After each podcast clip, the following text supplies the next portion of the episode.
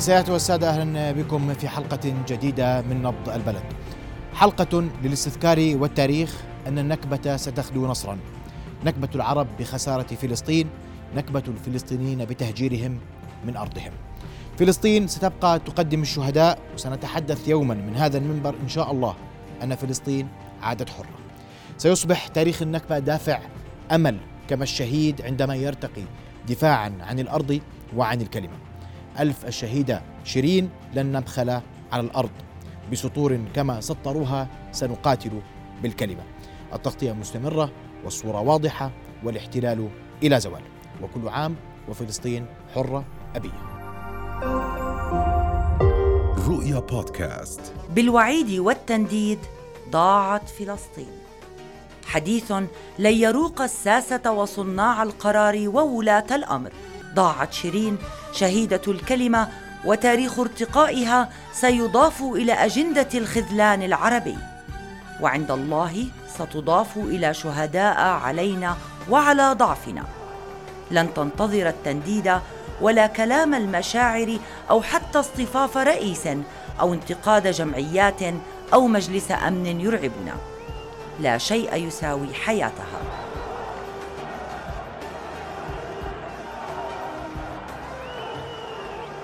ضاعت فلسطين بتشكيل اللجان وضاعت حقوق شهدائها بذات اللجان.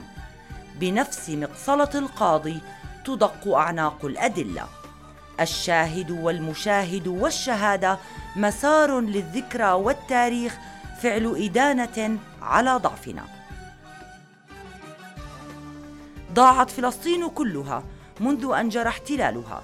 ضاعت بعمر اللجان والتحقيق والتنديد. لا طاعة لمحتل هذا حديث أهلها. هم الأمل وما تبقى من الحكاية. هم عصيانها ورغبة تطهيرها من طغاة الأرض من زقومها. لا اندثار لأرض الله فلسطين باقية والنكبة حديث للتباكي. سيغزو شاشاتنا. الحديث أكثر في ذكرى النكبة. أرحب بضيوف الكرام أستاذ العلوم السياسية الأستاذ الدكتور أمين مشاق مساء الخير. أهلا بك. أرحب أيضا بالأستاذ الدكتور عريب رنتاوي الكاتب المحلل السياسي. مساء الخير. أهلا وسهلا. بك. وسينضم إلينا لاحقا أستاذ العلوم السياسية في جامعة القدس الدكتور سعد نمر. وأبدأ منك دكتور أمين. نتحدث عن ذكرى النكبة.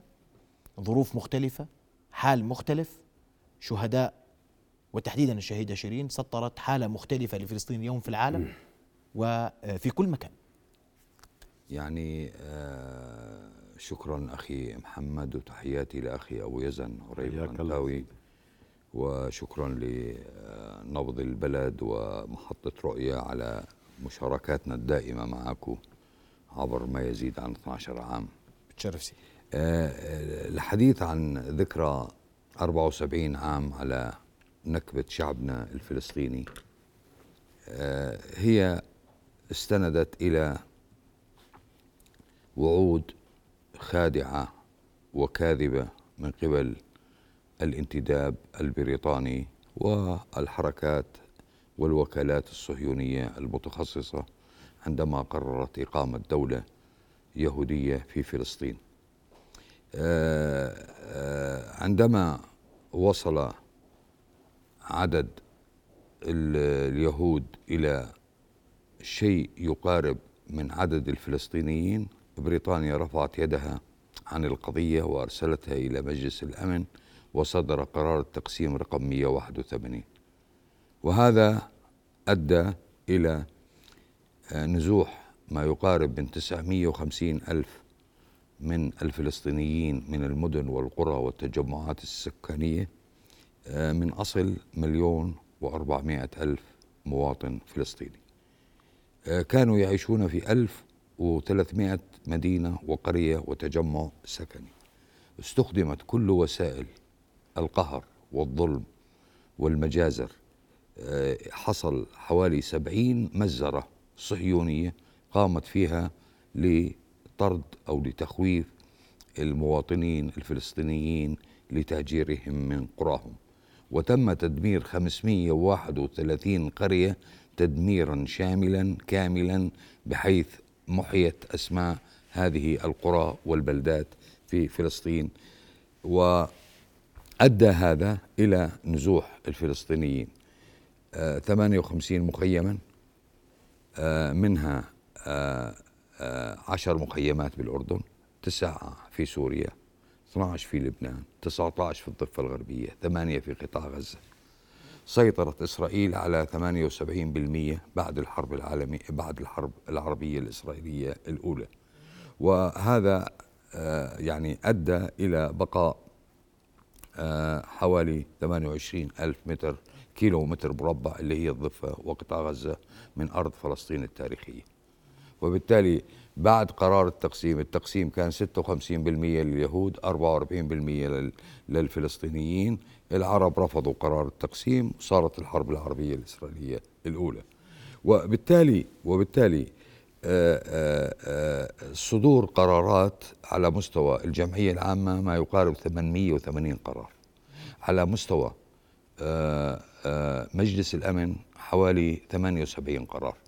إسرائيل رفضت جميع القرارات الدولية في آه، آه، في آه، تسوية القضية الفلسطينية بدءا من قرار 242 ومرورا بقرار 338 وقرار حق العودة 194 وإلى آخره. الآن اليوم إحنا نرى أن هناك حوالي 14 مليون فلسطيني وربما أكثر أو يزيد قليلا. آه، آه، ستة مليون فلسطيني في الضفة والقطاع وفي الداخل داخل فلسطين التاريخية مليون وخمسمية وسبعة وتسعين ألف مواطن. إذا الرقم السكاني آه، بالمقارنة مع الإسرائيليين يفوق بحدود بين 300 إلى 400 ألف مواطن فلسطيني على أرض فلسطين التاريخية زيادة عن عدد اليهود. هون إحنا نتحدث عن استمرار توفر الإرادة.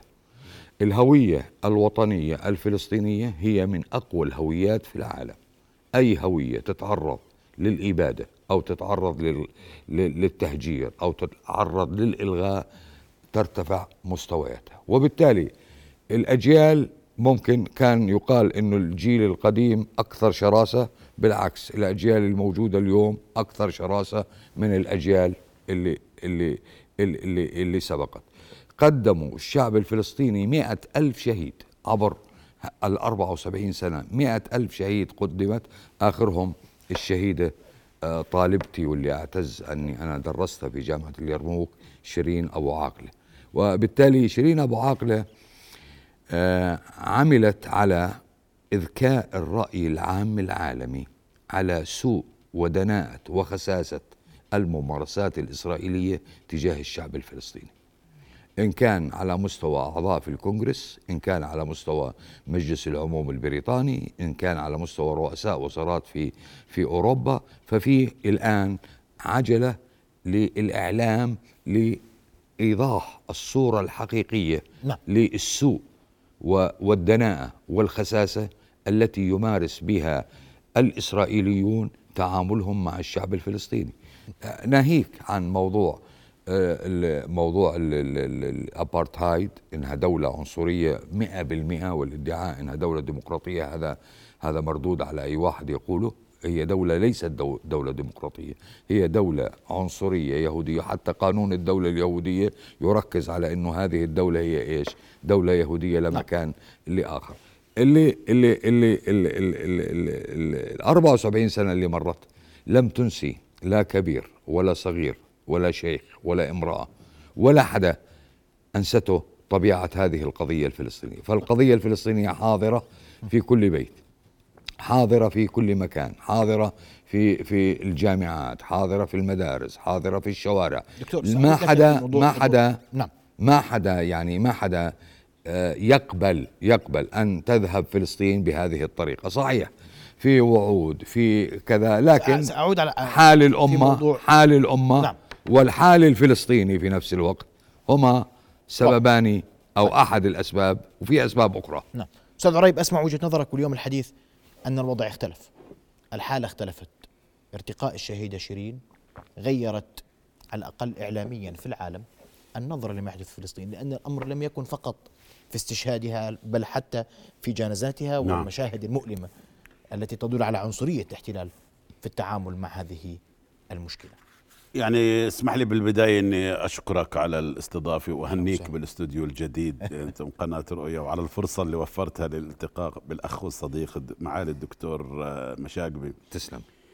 تقريرك ومقدمتك قطعت قول كل خطيب يعني أنت لخصت الموقف في المقدمة وفي التقرير بطريقة يعني مثيرة للاهتمام والانطباع والأحاسيس والمشاعر وغير ذلك. يعني هذا أمر في الحقيقة لابد من الإشادة به. أشكرك. واسمح لي في هذه المناسبة أيضا أن قبل أن أبدأ يعني بالترحم على روح الشهيدة شهيدة الكلمة والكاميرا والرأي الكلمة الحرة والرأي السديد. شيرين أبو عاقلة اللي أزعجت الأعداء في حياتها وأرعبتهم في مماتها. أرعبتهم كانت الرعب بالنسبة لهم. ورأينا تصرفات الجبناء المرعوبين أمام المستشفى الفرنسي والكنيسة وفي المقبرة وغير ذلك. هذا السلوك الجلف المتغطرس العدواني الوقع آه، هذا ينم عن ضعف ولا ينم عن قوة. هذا سلوك الجبناء. صحيح. الشهيدة شيرين أبو عاقلة يعني أعادت الاعتبار في جنازتها لمعركة القدس. الفلسطينيين حرروا القدس لساعات أثناء التشييع. هذا أمر ذو دلالة. الأعلام الفلسطينية رفرفت بغزارة في شوارع القدس وأزقتها بطريقة كانت بالنسبة للإسرائيليين بمثابة كابوس. معركة تشييع شيرين أبو عاقلة كانت هي معركة القدس والقدس هي جوهر الصراع الآن الدائر بين الفلسطينيين وحلفائهم وبين الاحتلال الإسرائيلي. الجديد منذ سنوات وليس الآن أن الفلسطيني لم يعد يعني يحيي ذكرى النكبة باسترجاع الآلام والمرارات والعذابات لا بتقديم صور من التضحيات والبطولة والإنجازات من العنفوان أيضا في المقاومة وفي الصمود وفي التصدي. ذكر الدكتور بعض الأرقام في هذا ال- ال- المجال. أنا في رأيي كانت نكبة الفلسطينيين في هجرتهم وليس في ضياع أرضهم.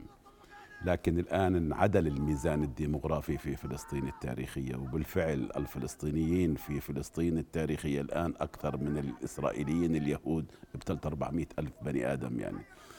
كل عمليات التهجير وهدم البيوت والقرى والمجازر المجزرة بالمناسبة مفهوم مؤسس لهذه الدولة. هذه الدولة قامت على المجازر.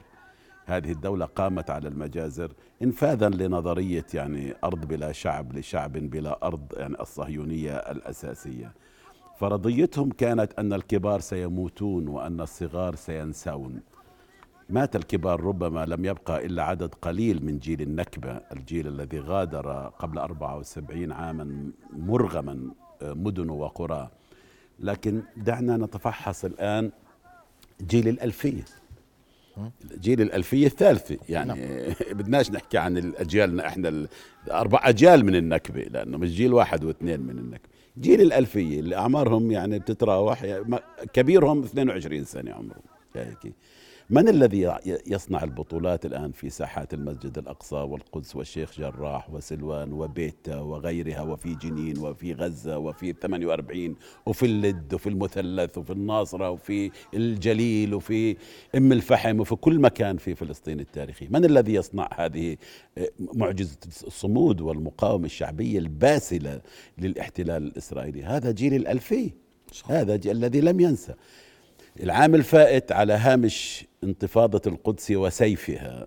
هيك اندلعت تظاهرات مذهلة في الغرب وفي مختلف عواصم العالم تضامنا مع الشعب الفلسطيني. وصادف أنني كنت في الولايات المتحدة في تلك الأيام ورأيت رأي العين. من هم الذين يتصدرون هذه التظاهرات وينظمونها ويخاطبون الرأي العام الأمريكي؟ جيل الألفية بالمناسبة جيل الألفية من الفلسطينيين والعرب. يعني حتى نضع الأمور في في, في نعم. نصابها والعرب كذلك يعني آه، لذلك يا صديقي أعتقد أن الفلسطيني الآن عندما يستحضر ذكرى النكبة لاستلهام الدروس والعبر لكنه لم يعد يكتفي بالبكائيات ولم يحول النكبة إلى لطميات بل إلى مناسبة لاستحضار الهمم وشحذ الهمم والانطلاق في مرحلة كفاحية جديدة.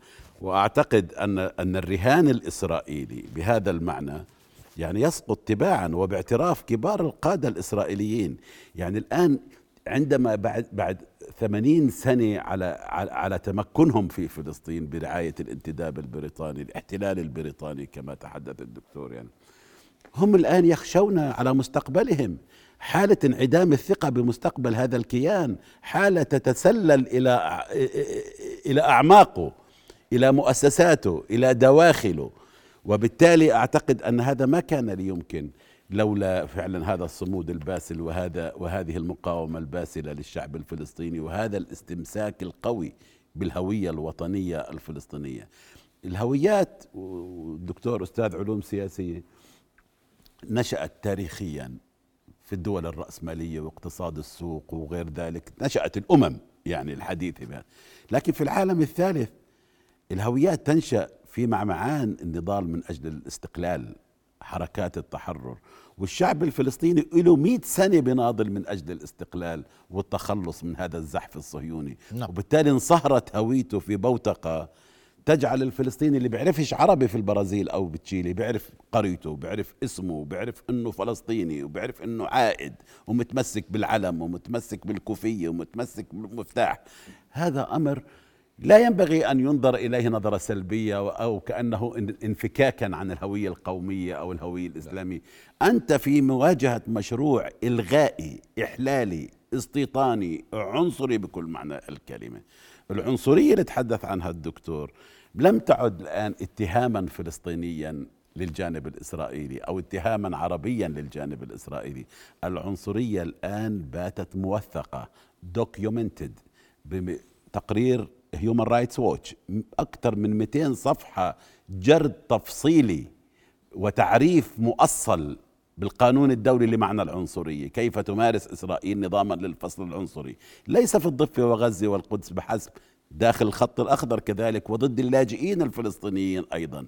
أعادت أمنستي إنترناشنال منظمة العفو الدولية توثيق هذا التقرير من بيت سالم الإسرائيلية تحدثت عن هذا الموضوع نعم. إذا نحن الآن أمام مرحلة انكشاف انكشاف وسقوط الدعاية الصهيونية الكاذبة والمضللة المشاهد اللي شافها العالم على الهواء مباشرة لاعتداء أولا لقتل شيرين عاقلي بدم بارد وبشكل مقصود اغتيال. إعدامها إعدامها خارج القانون إعدامها بالشارع. وثم الاعتداء الغاشم على على جموع المشيعين البربري غير المفهوم الصادم. وهي كلمات مش إلي. هاي كلمات لقادة الدول الغربية اللي عبروا عن الصدمة. هاي كلمات 27 سفير أوروبي كانوا في جنازة شيرين عاق أبو عاقلة. سقط القناع عن هذا الاحتلال. وسقطت الدعاية بأن إسرائيل واحة الديمقراطية. إسرائيل معقل وقلعة العنصرية في المنطقة وإسرائيل حليف كل الأنظمة القمعية في, في المنطقة والعالم.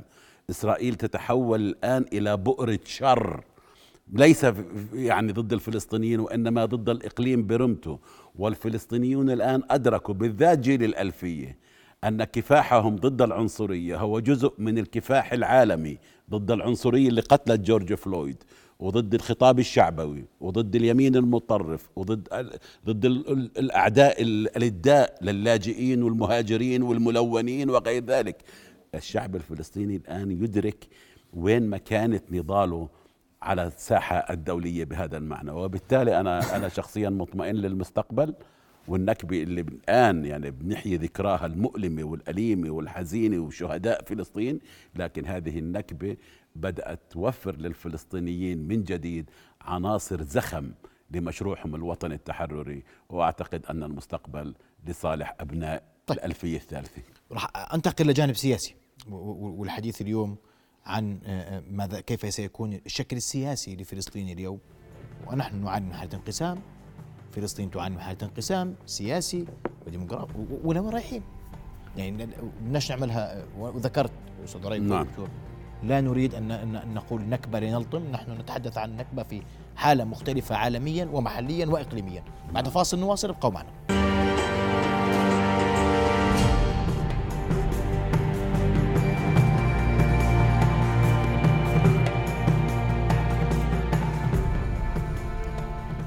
نواصل حوارنا وضيوفنا الكرام حديثنا مستمر حول آه، نكبة فلسطين. وقبل ما أسمع منكم تعقيم الوضع السياسي نستمع سوية لما تحدث به عزام الأحمد حول آه، الذكرى الرابعة والسبعين للنكبة. نتابع سوية. الذكرى الرابعة والسبعون للنكبة لإقامة الكيان الصهيوني الغاصب لأرض فلسطين وشعب فلسطين. ولكن جاءت هذه المرة المناسبة مترافقة مع جريمة اغتيال شيرين أبو عاقلة التي وحدت الشعب الفلسطيني. هذه الجريمة البشعة التي وحدت الشعب الفلسطيني من أقصى الجليل إلى أقصى الجنوب وفي الوطن والشتات. وبل نظمت العالم كله ليقول أن الشعب الفلسطيني من حقه أن يمارس حقه في تقرير مصيره ويستعيد حقوقه كاملة في الحرية والاستقلال وإقامة دولته المستقلة والعودة إلى مدنه وقراه وبيوته.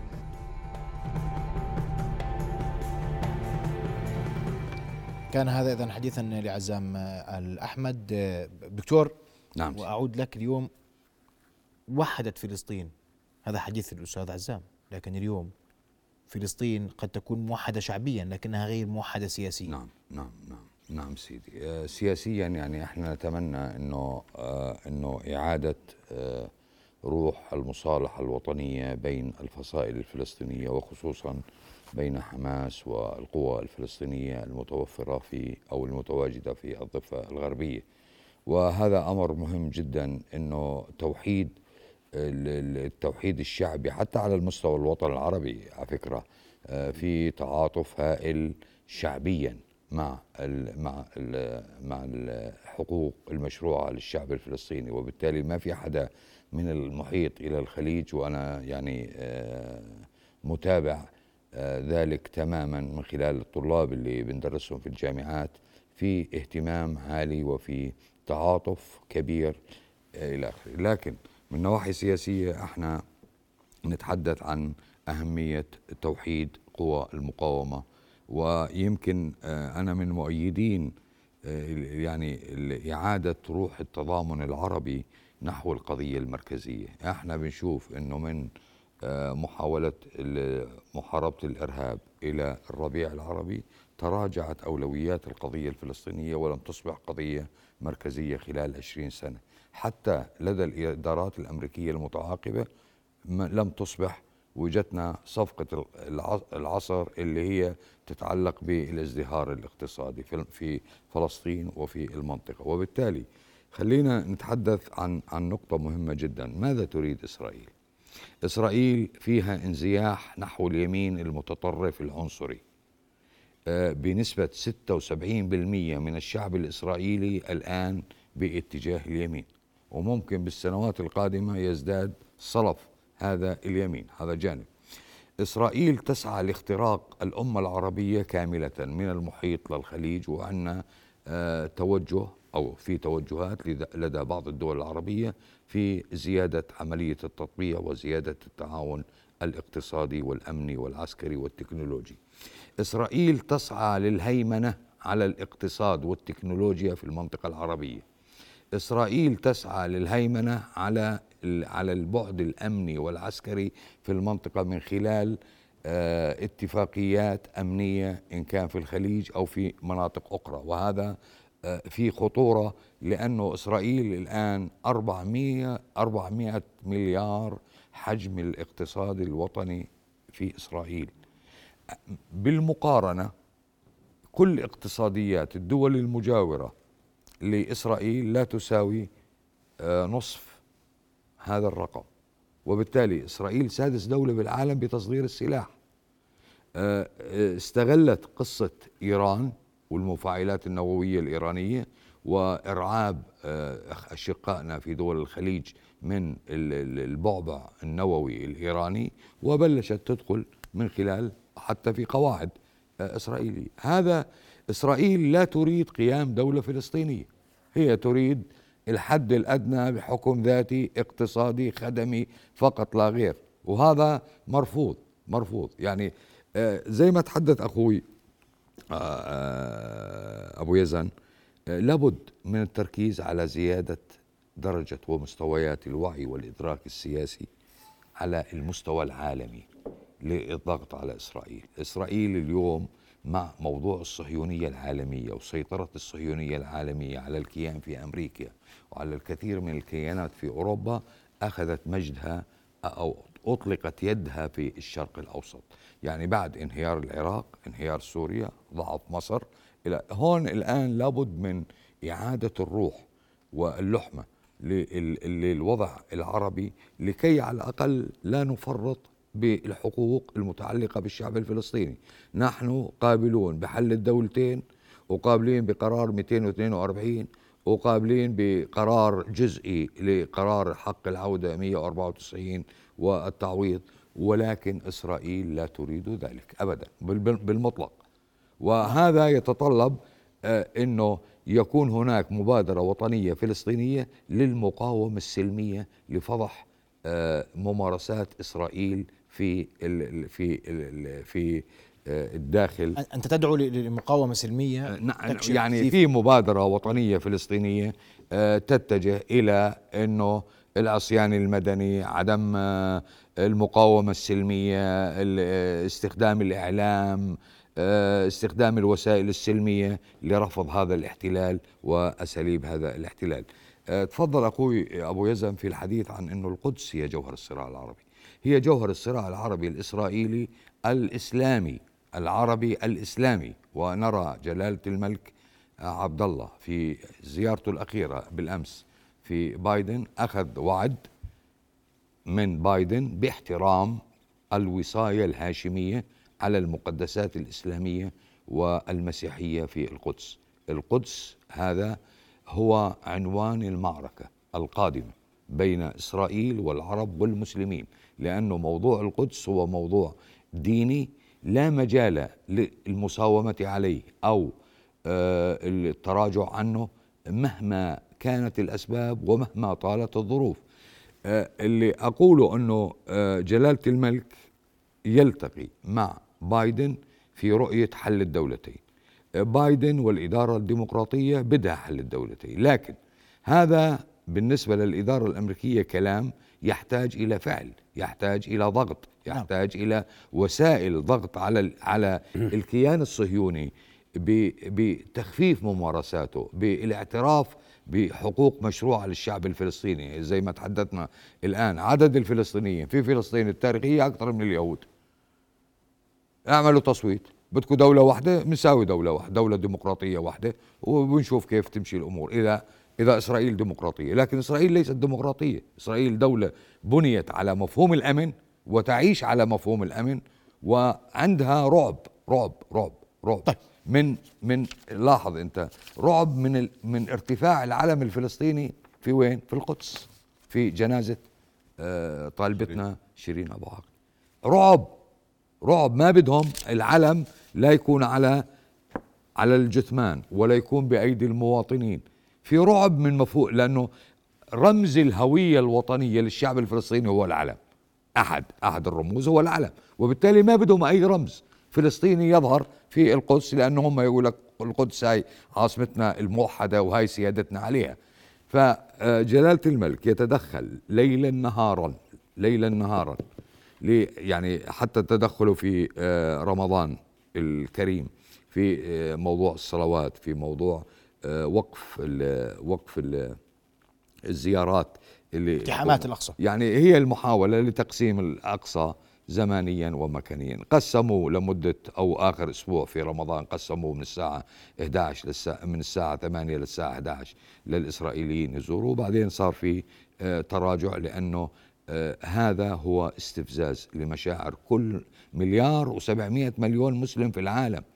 هذا استفزاز لمشاعر مليون وسبعمائة آه، مليار و700 مليون مسلم في العالم وبالتالي أنا اللي أقوله يعني آجلا أو عاجلا لابد أن ترضخ إسرائيل للإرادة الشعبية نعم للشعب الفلسطيني نعم. آه كمان على العرب يعني إنه سأعود للعرب لأنه أنت ذكرت سلم, آه. سلم, سلم الأولويات وهنا نعم، السؤال هل, نعم، نعم. هل لا تزال نعم، فلسطين نعم. على سلم الأولوية عربيا وإسلاميا و- و- وأستاذ عريب الناحية السياسية القوى الفلسطينية.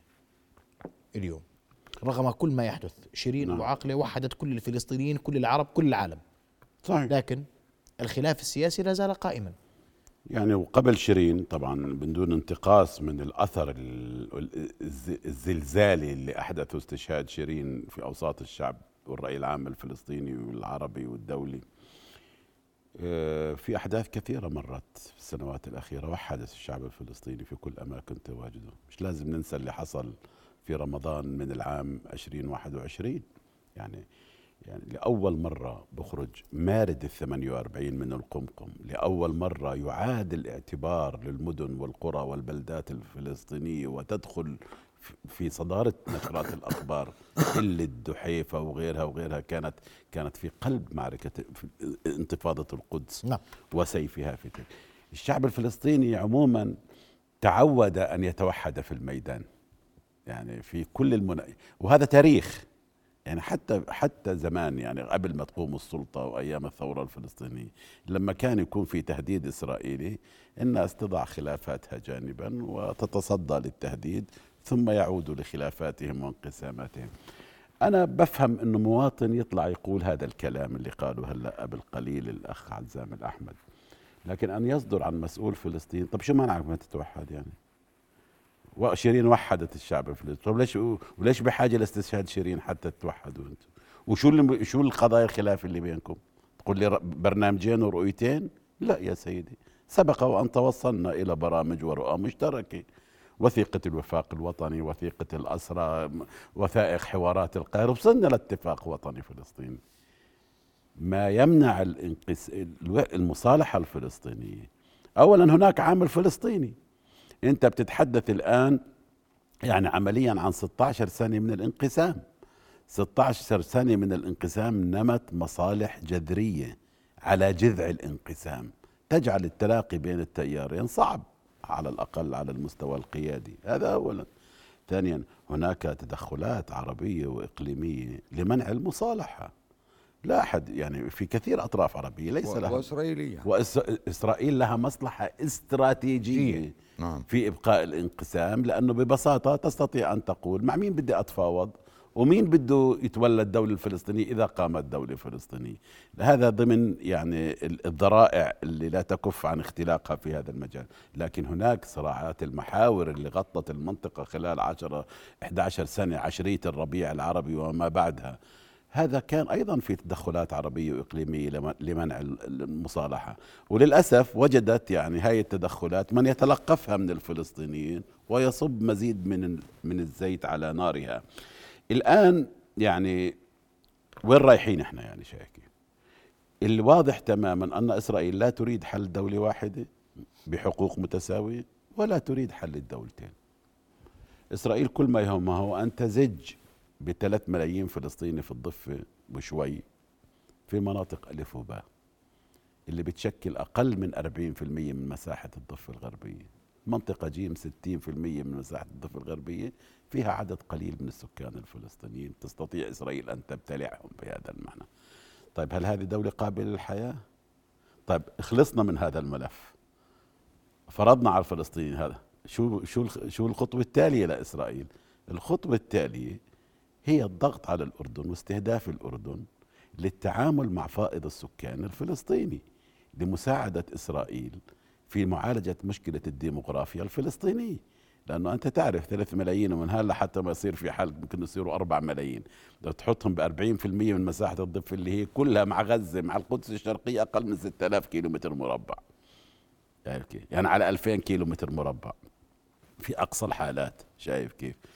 اذا إحنا في معركة واحدة الأردن الآن والفلسطينيين في معركة واحدة. والأردنيين بحسهم العفوي بدون فزلكات كثيرة. 87% منهم في الاستطلاع الأخير لمركز الدراسات الاستراتيجية في الجامعة الأردنية. قالوا أن التهديد الأكبر والأخطر على الأمن الوطني الأردني هو إسرائيل. هو إسرائيل. يا هيك هذا كيف يترجم؟ هذا يترجم في الحقيقة بدور أردني أكبر في هذا الموضوع. هذا يترجم في الحقيقة بمواقف أردنية. سياسيا المواقف مبينه ومعروفه معلنة واضحة. لكن على عمليا أيضا. يعني نحن لا ينبغي أن نقبل أو نتسامح بأي اعتمادية أردنية على إسرائيل بالذات في الحقول الاستراتيجية زي المياه، الطاقة، الغذاء إلى آخره، هذا لا يجوز، إحنا رايحين على معركة، مش بس معركة الرعاية، معركة الدفاع عن ال... معركة الخط الأمامي للدفاع عن الكيان الأردني والهوية الأردنية. وأنت إذ تفعل ذلك لا تنتصر للفلسطينيين فحسب مع أنه هذا واجب أخوي وتاريخي وجغرافي وديموغرافي ومسؤوليات الأردن التاريخية. أنت تفعل ذلك دفاعا عن وطنك عن كيانك عن هويتك مصالحك. عن حقوقك عن مصالحك العليا في هذا المجال. اذا نحن بحاجة في الحقيقة لتوحد وطني أردني فعال قوي متماسك جبهة داخلية حقيقية لأنه ال ال ال اليوم فلسطين وغدا الأردن. إذا يعني إذا سقطت هاي القلعة وهذا الخط الدفاعي الأول في مشكلة. أنا في رأيي الآن إنه الرعاية الهاشمية للمقدسات. الرعاية في خطر وحكاها بنت بصلف ووقاحة وغرور وكما لم يفعل أي رئيس حكومه سابق. لن نسمح لأي أجنبي في إشارة للأردن أن يتدخل في الأقصى. والأقصى جزء من القدس والقدس سيادة إسرائيلية وعاصمة أبدية موحدة. نقطة أول الصد لم يقلها أي رئيس وزراء إسرائيلي من قبل. يعني الآن شو عندي أنا كأردن للدفاع عن الرعاية وللحفاظ عليها؟ عندي هذول المنتفضين والمرابطين اللي بيجعلوا حياة إسرائيل صعبة للغاية اللي بيجعلوا أي انتهاك إسرائيلي للمقدسات للرعاية أمر مكلف بهذا المعنى. يجب علينا أن نرفع كلفة انتهاكهم للرعاية الهاشمية للمقدسات. هذا بتمش والله إنه يا أخوان هدوا اللعب تهدئة هذا ما بتم بهاي الطريقة. نعم. يا عالم تخاف ما تختشيش هاي المعادلة اللي بتحكم علاقتك بإسرائيل. عالم تخاف ما تختشيش. لا بيحترموا مواثيق. طب ما في المعاهدة اتفقنا على الحفاظ على الوضع التاريخي والقانوني نعم. واحترام الدور الأردني في المقدسات و... في المعاهدة المبرمة بيننا وبينهم. شايف كيف؟ ومع ذلك اسمع بنت شو بقول واضح. هذا هذا هذا هذا ملخص. أنا رهاني في الحقيقة لا على الأطر القائمة جوا ولا على الهياكل القائمة ولا على نظام سياسي فلسطيني شائخ ولا على قوى منقسمة ومصطرعة ولا على تنظيم يختنق بغزة وغزة تختنق به ولا كل هذا الكلام أنا رهاني على الجيل الفلسطيني الجديد. وهذا جيل أنا في رأيي شب عن الطوق. وشوف في مجالات عديدة. بالقدس. بكل الانتفاضات بالشتات بال 48 حتى بالعمل العسكري. إسرائيل حائرة بهذول اللي بنفذوا عمليات عسكرية. هذا لا عنده سجل سياسي ولا عنده سجل تنظيمي ولا عنده سجل ديني حتى يعني اللي تقول هذا يعني مقضيها بجامعه ممكن يكون في وراه ميول إخوانية داعشية حماسية مش ما عندهمش هذول شباب بال 19 وبال 20 جيل الألفية. هو بقرر من جانب واحد مع زميل له أو لحاله وبروح بنفذ عملية في أي مكان هو بيختاره. هذا كيف ممكن تطارده؟ شو عندك ريكورد عنده؟ شو طيب. عندك معلومات عنه؟ مزبوط. كيف ممكن تسيطر عليه؟ عمين بدك ترد؟ بتفشش وبروح بهدموا منازلهم وبيوتهم وبيعتقلوا أمهاتهم وأبياتهم. واضح. سأستمع إليكم بعد فاصل قصير سنواصل الحوار والحديث عن أن هذا الكيان في طريقه للزوال. صحيح غير صحيح؟ هذا ما ما يتم تداوله. بعد فاصل نواصل القوم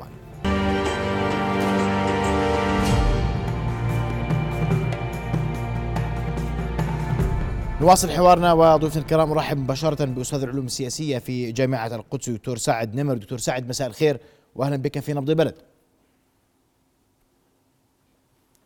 مساء الخير لك ولكافة الإخوة المشاهدين ولضيوفك في الأستوديو. دكتور سعد آه، النكبة 74 حال مختلف وضع مختلف. الحديث كيف سيكون شكل القادم فلسطينيا سواء على الصعيد السياسي أو الصعيد الشعبي. نعم يعني مساء الخير مرة أخرى. آه، بدون أدنى شك أن هذا العام آه، يعني يمثل آه، نقلة نوعية في الوضع الفلسطيني. لم نشهد في مع بداية هذه السنة حتى اليوم يعني تخبط وارتباك لدى الكيان الإسرائيلي كما هو اليوم. هناك انفلات تام يعني عدم سيطرة واضحة جدا وهذا يعود طبعا للمقاومة الفلسطينية ولل المد الشعبي الفلسطيني ما يجري في القدس وما جرى خلال فترة رمضان منذ العام الماضي ما جرى أيضا في الداخل الفلسطيني. كلها مؤشرات آه، آه، يعني تدل على آه، درجة التخبط لدى الأجهزة الإسرائيلية وتحديدا الأجهزة الأمنية التي تقول بشكل واضح جدا أنها لم تعد تسيطر على الأوضاع كما كانت سابقا وأنها ليس لديها المعلومات الكافية إزاء ما يجري في الأراضي المحتلة ولا تتوقع. وأيضا بالإضافة إلى ذلك الصلف والغباء بعض الأحيان الإسرائيلي يجعلهم أيضا يمارسون ويوميا يزودوننا بالمزيد من الإثباتات والدلائل على الاختراقات للقانون الدولي والقانون الدولي الإنساني ولحقوق الإنسان. يوميا هم يزودون الفلسطينيين أيضا بمادة دسمة آه، أيضا لإدانتهم دوليا. ولكن هذا له تأثير داخلي فلسطيني يؤثر على نمو شعور وطني عام لدى الفلسطينيين الآن بأن هذا الكيان أيضا في هذا التخبط هو يعد آه، يعد أو يعد آه، أيامه الأخيرة. يعني أنا شخصيا وقد تحدثت في ذلك في أكثر من مجال لا أعطي هذا الكيان أكثر من 10 إلى 12 سنة فقط.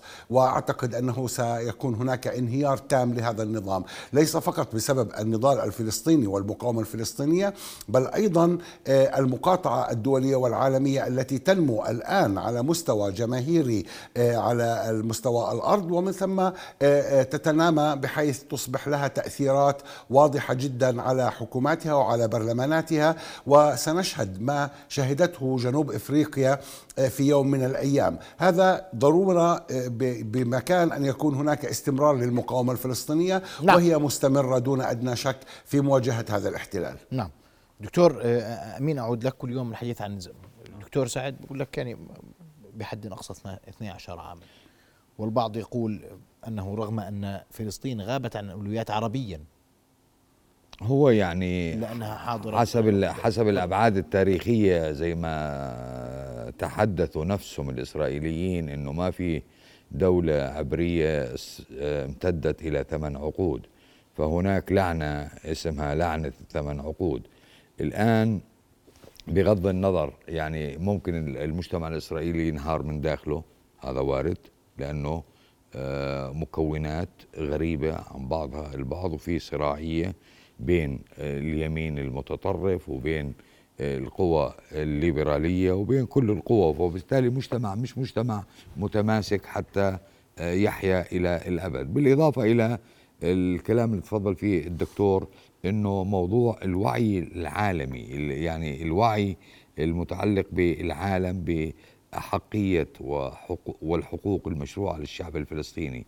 يعني أنت لما تشوف رئيسة وزراء تطلع تحكي عن القذارة والدناءة والخساسة في الممارسة الإسرائيلية. ما عمر سمعنا رئيسة وزراء في أوروبا تحكي هذا الحكي.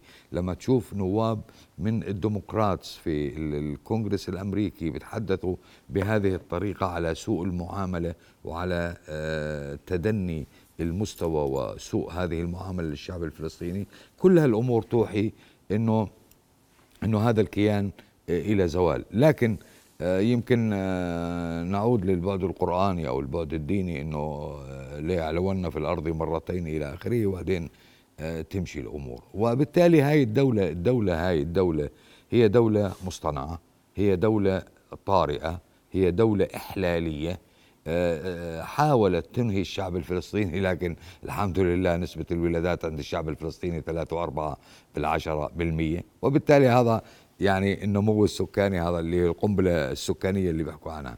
الآن هم هم يعني يتباهوا ب يعني استخدام الأسلحة واستخدام القوة العسكرية, القوة العسكرية آه، تجاه شعب أعزل تجاه آه، صحفية تجاه طالب مدرسة تجاه آه، كذا. ورغم ذلك ورغم ذلك في إرادة في الصمود في إرادة في البقاء والكلام اللي تحدث فيه أخوي أبو يزن إنه الحمد لله اللي بعد ال 67 ما صارت هجرة زي النكبة في آه، عام 48 الناس بقيت في أرضها مهما يكن هم باقيون.